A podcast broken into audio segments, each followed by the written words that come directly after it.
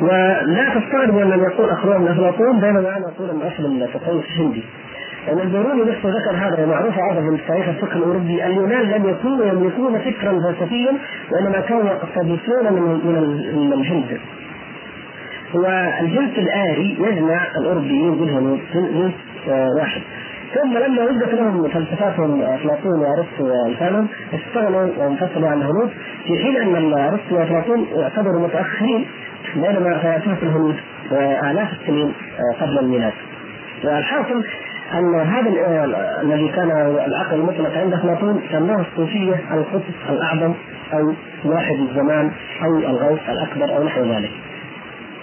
ويقولون كما في طبقات الشعراني واحد من 73 يقول لو لم يصبح واحد الزمان يتوجه في أمر الخلائق من البشر لفجاءهم أمر الله عز وجل فأهلك. يقول أن مهمة القطب هذا انه لو كان أمر الله يأتي البشر مباشرة بامر الله أن هذا يحيا وهذا يموت وهذا كذا مباشرة ما يتحمل البشر فيهلكهم الأرض يشفاهم الأرض ويهلكهم فيحتاج الله والعياذ بالله أن يحتاج إلى واسطة يتلقى الأمر ثم هو ينفذه في الكون وهو الغوث وهو واحد الزمان أو القطب الأعظم. ويقولون أنه لو أن المدد الحقيقي ورد في هذا العالم من عارفين على السواء لترى في قلوب الآخرين أي يعني متلقين المدد لترى في قلوبهم الشرك الخفي. يعني لابد أن يكون القطب واحد. القطب واحدا ولذلك هذا رسائل قرأت لكم تعيينه قطبا يقول حتى النبي يسلمون والصديقين كلهم والابدان جميعا والنجباء والنقباء كلهم يسلمون. لأن لابد أن يكون واحد. لماذا قال لو, لو كانوا اثنين؟ ربما يدخل الناس في الشرك سبحان الله كأن الصوفية يحاربون الشرك يعني. قال لابد أن يكون القطب الواسطة بين الله وبين الخلق المتصرف في الأكوان. واحد. وبعدين العجيب أن كل طائفة من طوائف الصوفية تدعي القطبية العظمى لشيخها فقط دون سواه وبذلك فرقوا الأمة ومزقوها. والغريب أن الرفاعي والقادري كانا متعاصرين. فإذا كان القطب واحدا فأيهما كان متطرف في الكون؟ نتركه كلام الصوفية ولهؤلاء الخرافيين الذين يقولون أننا نحن أهل السنة والجماعة نحن نفرق الأمة عندما نقول اتركوا هذه الخرافات لكن هم آه الذين يفرقونها فماذا يكون جوابهم عن وجود قطبين في وقت واحد؟ الله أعلم. المهم أن بعضهم أيضا يدعي أنه أعلى من درجه القطبيه. مثلا أحمد الرفاعي مؤسس الرفاعية يدعي ذلك وقد نقل عنه الشعراني أنه قال له أحد تلاميذه يا سيدي أنت القطب؟ فقال نزه شيخك عن القطبية. فقال وأنت الغوث؟ فقال نزه شيخك عن الغوثية. ويعلق الشعراني على هذا قائلا قلت وفي هذا دليل على أنه تعدى المقامات والأطوار لأن القطبية والغوثية مقام معلوم. ومن كان مع الله وبالله فلا يعلم له مقام وإن كان له في كل مقام مقام والله أعلم. يقول إن الصوفية متفقون على أنه ليس بعد القطبية إلا الألوهية، بما أعلم أن ليس هناك عندهم خلاف في هذا. أعلى من درجة القطب ليس هناك درجة أعلى. وليس هناك شيء مقام أعلى من مقام القطبية.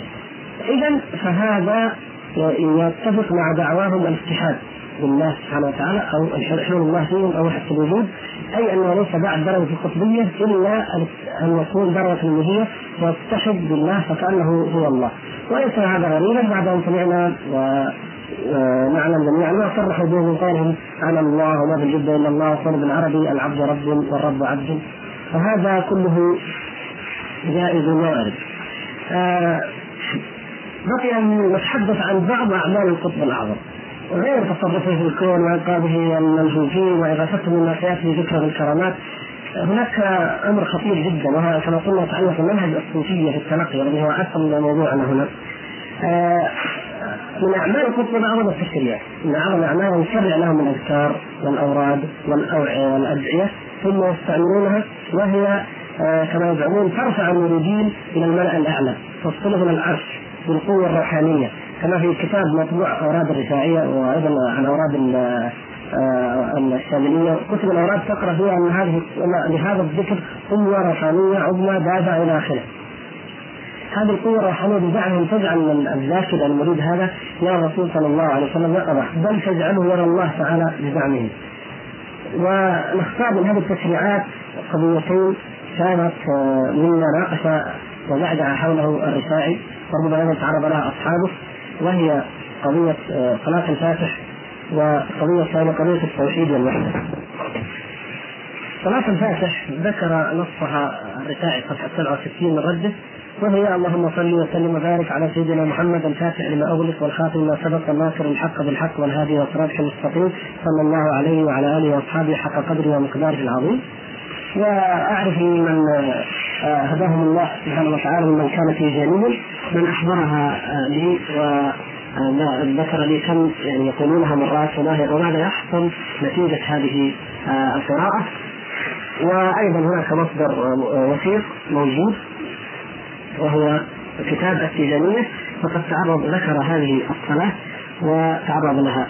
يهمنا هنا يعني قضية القطب أو أنها من أعمال القطب. قول الرفاعي أن هذه الصلاة نقمع القسطلاني يقول هذه أنفاس رحمانية. وعوارف صمدانية يعني كانها من أنفاس الرحمن ومن عوارف الصمد سبحانه وتعالى. لقطب دائرة الوجود وبدر أساتذة الشهود تاج العارفين سيدنا وأستاذنا ومولانا الشيخ محمد بن أبي الحسن البكري إلى آخره. يعني ما دام أن هذا القطب البكري هو الذي وضعها هو الذي كتبها فهي أنفاس رحمانية وعوارف صمدانيه ولا يحق لأحد أن يعترض عليها على الإطلاق. هذه التيجانية أخذوا هذه يعني أخذوها ما دامت عن هذا الكتب أخذها التيجانية وعلى أي حال ماذا يقول عنها التيجانية؟ يقول آه مؤلف كتاب التيجانية صفحة 116 قال مؤلف ظاهر المعاني من التيجانية يقول ثم أمرني بالرجوع صلى الله عليه وسلم إلى صلاة الفاتح بما أغلق. فلما أمرني بالرجوع إليها سألته صلى الله عليه وسلم عن فضلها. فأخبرني اولا بأن المرة الواحدة منها تعدل من القرآن ست مرات. الذي يقرأ هذه الصلاه مرة واحدة كأنه قرأ القرآن ست مرات. لاحظوا من الذي يزدري كتاب الله ويحتقر كتاب الله وبالتالي يحتقر رسول الله ويكرهه ولا يحبه. من؟ طيب. ثم أخبرني ثانيا أن المرة الواحدة منها تعدل من كل تسبيح وقع في الكون ومن كل ذكر ومن كل ومن كل دعاء كبير أو صغير. ومن القرآن ستة آلاف مرة لأنه من الأذكار. أي القرآن. ثم أيضا نذكر في صفحة 117 أنهم يعتقدون أنها من كلام الله. ولذلك يقول مؤلف الرماح أن من شروطها من شروطها للصلاة أن يعتقد أنها من كلام الله. هذا ينص على أنه يعتقد أنها من كلام الله والرفاعي نفسه في ربه يقول ينقل انها أنفاس رحمانية. من أنفاس الرحمن مثل الرحمن. إذا هذا يؤيد ما قلناه بأن القطب عندهم يعني له درجه الالوهيه حتى أنه يشرع هذه الأشياء ويقول أنها من الله وأن على على الذاكر يعتقد أنها من كلام الله ويقول أيضا المؤلف التجانيه وقال مؤلف الدنيا المستفيد مع اعتقاد المصلي أنها ليست من تأليف البكري ولا غيره وأنها وردت من الحضرة القدسية مكتوبة بقلم القدرة في صحيفة نورانية. هذه هي الصلاة صلاة الفاتحة وهذه قيمتها عندهم راعية من كلام الله عند الصوفية ولها هذه المنزلة. فمحمد علوي مالكي في صفحة 110 من المخائر يذكر هذه الصلاة ويشرحها فهو انظر كيف هذا الداعي وهذا تجاني والمالكي طريقته اظن على الطريقة الحسينيه العربية هذه الله في مصر المهم الطرق تختلف لكنهم يتفقون على هذه الصلاة التي يقولون إن من ذكرها من قرأ بها أفضل من القرآن ومن القرآن انه ستة آلاف مرة فانظروا بعد ذلك أي كفر وأي شرك فوق هذا أقول هذا فيما يتعلق بقضية آه، صلاة الفاتحة. آه، القضية الأخرى التي من تشريعات الأقطاب أو من كلام الأقطاب آه، قضية الوحدة والتوحيد. العبارة التي يقولها الصوفية ويقول وهي اللهم اقذف بي على الباطل فادمغه أو فأدمغه وزج بي في بحار الأحدية ويشني من أوحال التوحيد. يقول الرفاعي في شرح هذه العبارة مهاجما الشيخ المنيع لأنه هاجمها يقول فنحن نقول لشرح معنى هذه العبارة التي التبست عليهم يعني على علماء المملكة وزج في بحال الاحديه ويسلم من اوحال التوحيد إن التوحيد لغة الحكم بأن الشيء واحد والعلم بأنه واحد والتوحيد شرعا إفراد المعبود بالعبادة مع اعتقاد وحدته والتصديق به ذاتا وصفات وافعالا. هذا التوحيد، ثم يقول والتوحيد باصطلاح أهل الحقيقة من الصوفية تجريد الذات الإلهية عن كل ما يتصور في الأفهام ويخيل في الأذهان والأوهام. جميل. انتهى كلام الرفاعي إذا نقول جميل أنت الآن تفرق بين التوحيد عند الصوفية وبين التوحيد شرعا كما كما هو نص كلامك التوحيد شرعا إفراد المعبود بالعبادة والتوحيد عندها الحقيقة هو تجريد الذات الإلهية إلى آخره. هذه هي القضية، قضية أنهم يفرقون بين الشريعة وبين آه، الحقيقة. فنحن أهل السنة والجماعة أهل الشرع والاتباع فلم نجد يعني لا يمكن واحد منا يدعو الله سبحانه وتعالى أنه يخرج عن التوحيد والعياذ بالله. يعني نحن ما دام التوحيد هو أفراد الله بالعبادة عندنا كما يذكر هو أيضا باعترافه ونحن ندعو الله سبحانه وتعالى أن يثبتنا على التوحيد وأن يميتنا موحدين ويبعثنا موحدين. لكن الصوفية لما كان عندهم علم الحقيقة والتوحيد في عرف الحقيقة واصطلاح الحقيقة شيء آخر هم يدعون الله تعالى ليل نهار أن يخرجهم من التوحيد التوحيد. الذي هو توحيد أهل الشريعة نحن. يعني هو يقول نحن لا نقصد خدمة من التوحيد بمصطلحنا مصطلح الحقيقة لا. لأن خدمة من التوحيد بمصطلحكم أنتم أهل الشريعة.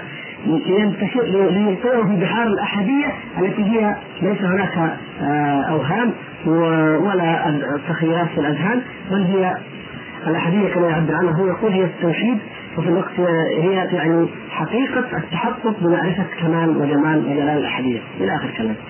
إذا نقول لهؤلاء باعترافكم هذا ومن كلامكم هذا ماذا تقولون؟ هل كان النبي صلى الله عليه وسلم على التوحيد الذي عرفتموه بانه التوحيد شرعا أو على الأحادية التي تريدون أن ينتشلكم آه، الله إليها ويزوج بكم في بحارها نسألكم ونقول لكم الرسول صلى الله عليه وسلم عندما أرسل معاذا إلى اليمن وقال له كما في الرواية الصحيحة في البخاري فليكن أول ما تدعوهم إليه أن يوحدوا الله. يقول لا يخلو الكلام يخلو من امرين إما أن يكون الرسول صلى الله عليه وسلم جاهلا وحشاه من ذلك لأن يكون لأن فوق التوحيد درجة عليا هي درجة الأحدية هذه. ولذلك هو أرسل معاذ بالدرجة التي يعلمها فقط وهي التوحيد دون درجة الأحدية لأنه هو وأصحابه يعني والقرون المفضله كلهم ما كانوا يدركونها حتى جاء أصحاب الكيس الكشف. والفيض والافلاطون والذوق والتجاني في القرون المتأخرة أو البكر وضعوا مثل هذه الأذكار والأدعية التي تعلم الناس التوحيد وحقيقة التوحيد. فإما أن تقولوا هذا والعياذ بالله وإما أن تقولوا أن الرسول صلى الله عليه وسلم علم التوحيد الشرعي وعلم أمته. لكن هذا التوحيد هو عين الشرك وعلم الأمة في في الجملة عين الشرك. ولا وكتم التوحيد الحقيقي الذي هو الاحديه وهذا والعياذ بالله اتهام الرسول صلى الله عليه وسلم وحاشاه أن يكتم شيئا مما علمه الله. أو تقول كلاما آخر وهو أن النبي صلى الله عليه وسلم علم توحيد الشريعة للعامة وعلم الاحديه للخاصة.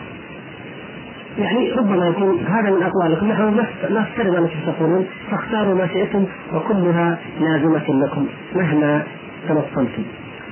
آه المضحك يعني فعلا ان الرفاعي عندما يزهر عن هذه العبارة يقول هو إنه لا غبار عليها. يعني يقول أن لا تنكر علينا أن ندعو الله يرسلنا من التوحيد إلى آه، الوحدة. يعني هذا هو الصحيح طيب أنت تقول التوحيد هذا الله بالعبادة وتقول لا تنكر علينا أن ندعو الله ينتشلنا من التوحيد ويزج بنا في الأحدية.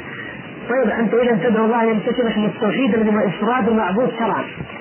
أو ينتشلك من التوحيد الذي عرفته أنه توحيد الحقيقة. يعني سواء هذا أو هذا فأنت تدعو الله أن ينتشلك منه إما توحيد أهل الشريعة وإما توحيد أهل الحقيقة.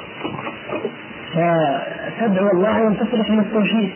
على أي التعريفين تعريف أهل الشريعة والحقيقة أن تدعو ومن تصلك من التوحيد. ولهذا أقول انها رجل لا يعي ما يقول لكن من المؤكد من الأقطاب الذين وضعوا هذه العبارة يعون ذلك جيدا ويفهمون دلالتها لانهم ينتشلهم من هذا ومن ذاك ليتحقق لهم وحدة الوجود التي هي عندهم عين الأحاديث. ننتقل الآن الحديث عن رجال الغيب. عندما نرجع سهل أو قريب صاحبه آه، في هذا يعني كانه معاصر نبهاني اللي توفي سنة 1350 ف حتى لا يقولوا هذه فكرة قديمة كما يقول بعض الناس مع الأسف هذه أفكار قديمة وعفى عليها الزمن. لا نبهاني توفي عام 1350 فمنهم ما زالوا موجودون ومنهم هؤلاء القوم. آه، أو من الطرف الأخرى. آه، يقول أن رجال الغيب كثيرون ومنهم رضي الله عنهم النقباء وهم اثنا عشر يكون يكون اثنا عشر.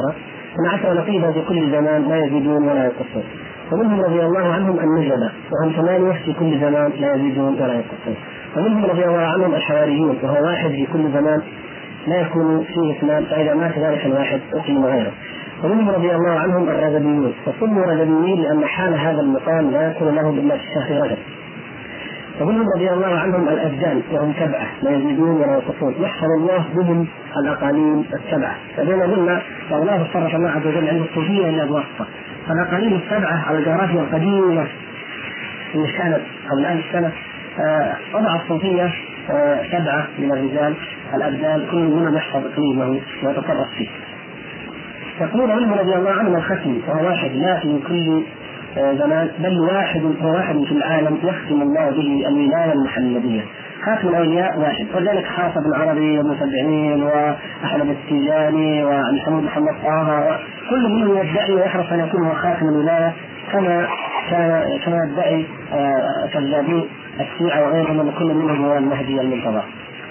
يقول فمنهم رضي الله عنهم 300 نفس على قلب آدم عليه السلام. ومنهم رضي الله عنهم أربعون نفسا على قلب نوح عليه السلام. ومنهم رضي الله عنهم سبعة على قلب الخليل عليه السلام. تذكروا ما قلت لكم لأن حرصهم على تعظيم الرسول صلى الله عليه وسلم إنما هو تعظيم لأنفسهم. لأنهم يقولون أن رجال الغيب منهم من يصل إلى أن يكون على قلب فلان من الأنبياء. فهو كالنبي فأسقطوا الفرق بين البشر العاديين وبين الأنبياء صلوات الله وسلامه عليهم. بل بين الملائكة أيضا يقولون ومنهم رضي الله يقول نبهان ومنهم رضي الله عنهم خمسة على قلب جبريل عليه السلام. ومنهم رضي الله عنهم ثلاثة على قلب ميكائيل عليه السلام. ومنهم رضي الله عنهم واحد على قلب إسرافيل عليه السلام. ومنهم رضي الله عنهم ثمانية عشر نفسا أيضا. هم الظاهر بأمر الله عن أمر الله. انظروا. ومنهم رضي الله عنهم ثمانية رجال يقال لهم رجال القوة الإلهية. ومنهم رضي الله عنهم خمسة عشر نفسا. هم رجال الحنان. والعطف الإلهي الله تعالى قوته وحنانه ورحمته تكون عن طريق هؤلاء الزعمين ومنهم رضي الله عنهم أربعة وعشرون نفسا في كل زمان يسمون رجال الفتح. ومنهم رضي الله عنهم آه، واحد وعشرون نفسا وهم رجال السحر والسحر ومنهم رضي الله عنهم ثلاثة أنفس وهم رجال الإمداد الإلهي والكون. ومنهم رضي الله عنهم ثلاثة أنفس إلهيون رحمانيون في كل زمان ومنهم رضي الله عنهم رجل واحد وقد تكون امرأة في كل زمان ومنهم رضي الله عنهم رجل واحد مرتب ممتزج في كل زمان لا يوجد غيره في مكانه وهو يشبه عيسى عليه السلام. متولد بين الروح والبشر. لا يعلم له أب بشري كما يحكى عن بلقيس أنها تولدت من بين الجن والإنس.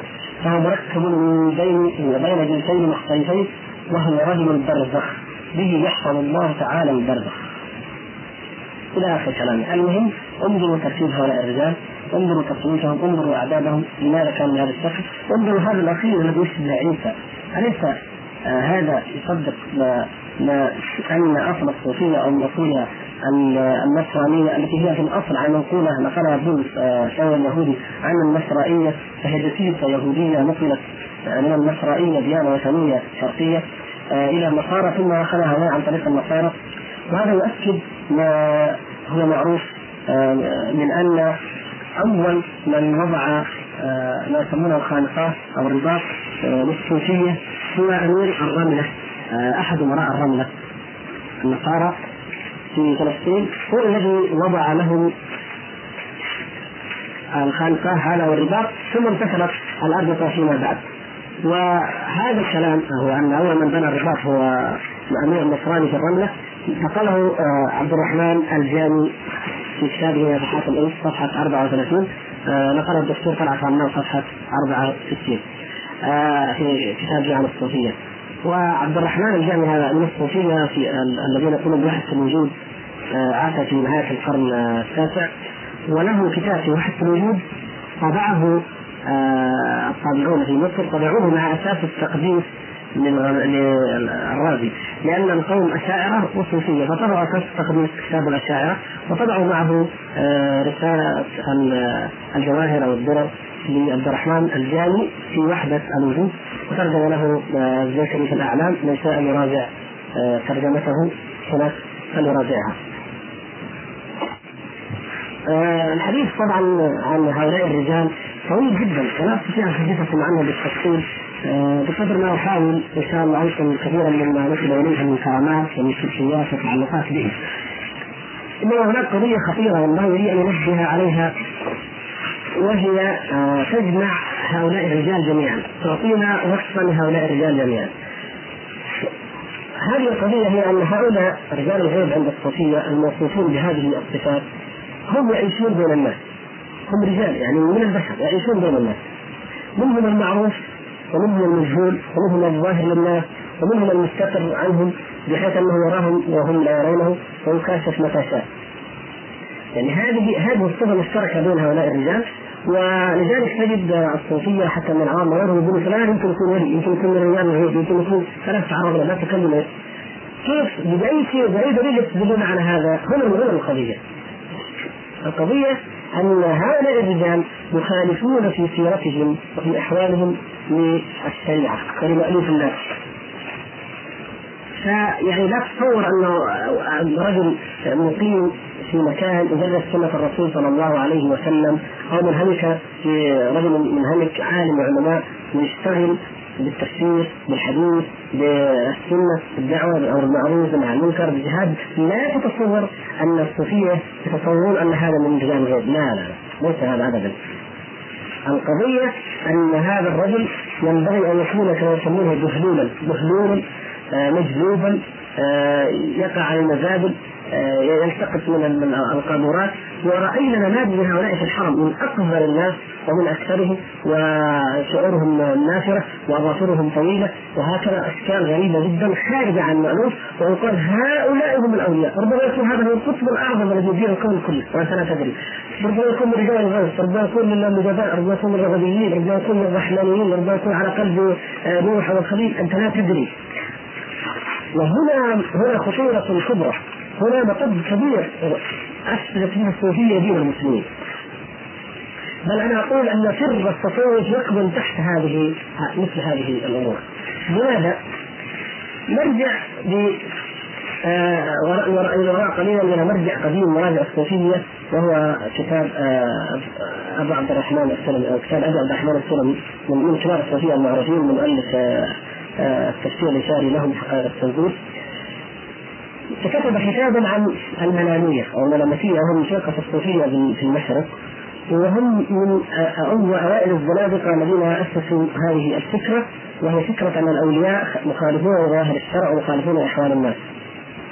هؤلاء المنامية أو المنامسية يقول عنهم في صفحة 98 من كتابه المنامسية الذي حققه ابن علا عفيفي سنة مصر 1364 يقول انهم رأوا التزين بشيء من العبادات في الظاهر شركا والتزين بشيء من الأحوال في الباطن ارتدادا. يقولون من يظهر شيء من الطاعات ومن العبادات هذا مشرك واثر في قلبه شيء من الأحوال فهو أيضا مرتد. اذا كيف؟ ويقولون إن كل عمل وطاعة وقعت عليه رؤيتك واستحسنته من نفسك فذلك باطل فذلك باطل. ويقول عنهم عن احدهم ينقل قال هم قوم قاموا مع الله تعالى على حفظ أوقاتهم ومراعاة اسرارهم فلاموا أنفسهم على جميع ما أظهروا من أنواع القرب والعبادات. وأظهروا للخلق قبائح ما هم فيه وكتموا عنهم محاسنهم فلامهم الخلق على ظواهرهم ولاموا هم أنفسهم على ما ياتونه من بواطنهم فأكرمهم الله بكشف الأسرار والاطلاع على أنواع الغيوب وتقطيع انفرادهم بالخلق وإظهار الكرامات عليهم. لاحظوا هذا الكلام. يعني هؤلاء القوم لما أظهروا القبائح بزعم الازدراء لأنفسهم وحتى لا يتعلق بهم الناس وحتى لا يظن فيهم أنهم أولياء ليسوا كذا وهم يريدون يكونوا أولياء يعني في الباطل فقط ولا أحد يعلم بهم وينزه أنفسهم عن الرياء وعن كلام الناس. اظهروا القبائح واظهروا المعائب واظهروا الشنائع حتى أن منهم من كان يأتي الفاحشة في الدوام علنيه امام الناس. وهذا منقول وربما نتعرض له ومنهم من كان دخل الحمام فسرق لباس أحد الناس ووضعه فوق يعني لبسه بحيث يرى وخرج في الشارع وكان الناس يعتقدون فيه الولاية فلما رأوه أدركوه وضربوه وأخذوا ملابس فقيل له في ذلك فقال حتى أسقط من اعينه ما يبقى في عين الحق. إلى آخر ما ينتجون حولهم من الحكايات يصنعونها كما يقولون لتزكيه النفس وتطهيرها. يعني طبيعي أن هذا مخالف لقول النبي صلى الله عليه وسلم في الحديث الصحيح لو سرته حسنته وساءته خطيئته فهو المؤمن. والمؤمن لا يحب ولا أمر ان ينكر السيئات ولا القبائح لكن القضية أكبر من قضية مخالفة هذا الحديث، القضية أنها مخالفة للإسلام وهدم الإسلام. وإيضاح ذلك بالتفصيل أو شيء من التفصيل أن الزنادقة الذين أنشأوا هذا الدين وركبوه ونقلوه إلى المسلمين ولبسوا به عليهم هؤلاء واجهتهم الأمة بالإنكار واجهتهم للرد والتكذيب حتى العوام من المسلمين ودمغوهم بالكفر والزندقة. وقل أن تجد عالما من كبار الصوفية إلا واتهم بالزندقة. إما أن يكون قتل بتهمة الزندقة أو اتهم بها أو سجن كما سجن بالنون وكما اتهم الجنيد وقتل الحلاج وكثير من هذا النوع. واستدل العلماء أو المسلمين يستدلون بظاهر حالهم هذا المخالف للشرع على خبث الباطن وعلى خبث الطوية لأنه ليس بوسع المسلم ان يرى رجلا يمشي مكشوف العورة أو رجلا يرتكب الفاحشة البهائم علانية ويترك الجماعة ويترك الجماعات ويصر على ذلك. فضلا عن ان يعتقد أن هذا من هلال الغيب من أولياء الله. لا يمكن هذا ابدا. فالزنادقه أرادوا أن يخترعوا تقاه أو تقية آه يعني خديعة شيطانية.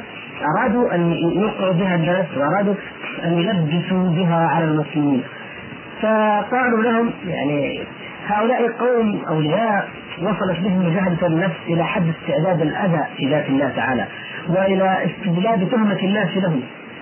وهم يدعون الناس لأن يتهموهم وأن يلوموهم وأن يتكلموا فيهم وأن يكذبوهم وأن يحتقروهم. هم يريدوا بذلك أن ينقوا أنفسهم ومحبتهم لله وأن يتجردوا عن الرياء وعن الشهرة وأن يسقطوا من عين الخلق ويبقوا في عين الحق كما يقولون. فهذا هم متعمدون في هذا. ويحبون أن يقول الناس إنهم زنادقة وإنهم مخالفون وإنهم كذا ويستمرون على إظهار هذه الأحوال. آه على حد قول الشاعر كما هم يقولون يعني أجد الملامة في هواك لذيذة حبا لذكرك فليلمني النمو لكن بالحقيقة أن المسخور منهم المستهزأ بهم هم هؤلاء أصحاب الظاهر. المغفلون الذين يعتقدون مثل هؤلاء الأولياء أو يلمزونهم أو يتكلمون فيهم بدعوى أنهم مخالفون لظاهر الشرع وهؤلاء شاهدوا الحقيقة الكونية وأدركوا سر القدر واشتغلوا بإصلاح القلب عن إصلاح الظاهر واشتغلوا بمحبة الحق عن إنكار أو عن سماع إنكار الخلق. ويقولون بجملة ما يقولون ويتعلمون به إنكم أنتم يا أهل الظاهر الفقهاء والعلماء والرسول تنكرون علينا اننا نترك صلاة الجمعة. وأنتم تكتبون في كتب الفقه أن من خاف ضياع ماله جاز له تركها لأجله. ومن كان مسافرا ولو كان مسافرا للدنيا أو للتجارة يجمع المال يجوز له أو تسقط عنه صلاة الجمعة، فكيف الذي في الخلوة مستغرق مع الله سبحانه وتعالى وقلبه متعلق بمحبه الله الذي هو اغنى من الدنيا كلها وتقولون هذا هذا لا يمكن. أن يترك الجمعة والجماعات ولا يجوز له أن يعتكف في خلوة ويترك آه، الجمعة والجماعات. كيف يعني؟ هل أليس الله تعالى أغنى وأعظم من الدرهم والدينار؟ المجتمع مع الله؟ أليس أعظم ممن هو مجتمع على قليل من المال؟ آه، يخشى أن يضيع منه فيجوز له عندكم في فقهكم أن يترك الجمعة لأهله ويقولون آه يعني عندنا أدلة هذه طبعا يأتون بها بعدين كما قلنا. يقولون يعني أنتم مثلا آه تقولون أن الإنسان إذا أغمي عليه فكشفت عورته هذا جائز وقد يكون الإغماء هذا بسبب الشمس ضرب الشمس أغمي عليه فكشفت عورته هذا جائز.